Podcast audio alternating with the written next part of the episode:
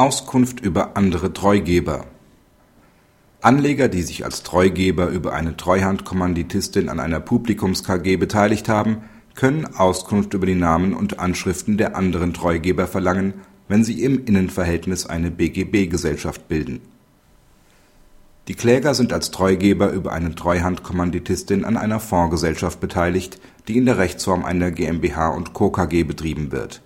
Sie verlangen von der Treuhänderin Auskunft über Namen und Anschriften der anderen Treugeber, unter anderem um sich mit ihnen im Vorfeld einer Anlegerversammlung abstimmen zu können. Die Kläger haben Anspruch auf Überlassung einer Aufstellung sämtlicher Namen und Adressen der Treugeber. Dabei kann dahinstehen, ob sich ein solcher Anspruch bereits aus dem Treuhandverhältnis als solchem ergibt.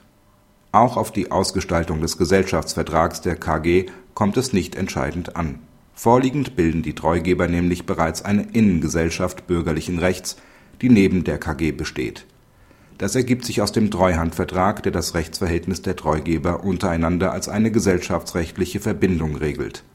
Gemeinsam verfolgter Zweck der Treugeber ist die Wahrnehmung der Rechte, die der sogenannten Anlegerversammlung im Treuhandvertrag eingeräumt sind. Durch die Anlegerversammlung wird beispielsweise die Treuhänderin zu einem bestimmten Abstimmungsverhalten in der Gesellschafterversammlung der KG angewiesen.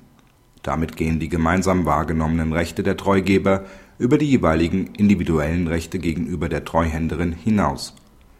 Bilden die Treugeber somit eine Innengesellschaft bürgerlichen Rechts so ergibt sich aus § 716 BGB auch ihr Anspruch, eine Auflistung der Namen und Anschriften der anderen Treugeber zu erhalten.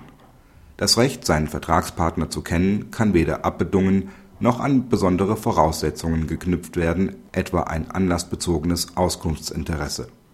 Anspruchsgegnerin ist die Geschäftsführung der BGB-Gesellschaft, hier also die Treuhänderin.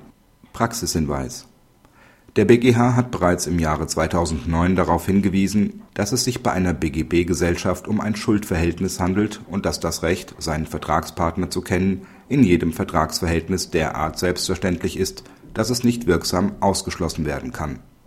Anders als bei der BGB-Gesellschaft ist indes die Frage des Auskunftsrechts bei Vereinen zu beurteilen. Dort besteht ein Anspruch des Vereinsmitglieds auf Offenbarung der Namen und Anschriften der anderen Mitglieder nur dann wenn daran ein berechtigtes Interesse besteht und kein überwiegendes Interesse des Vereins oder berechtigte Belange der anderen Vereinsmitglieder entgegenstehen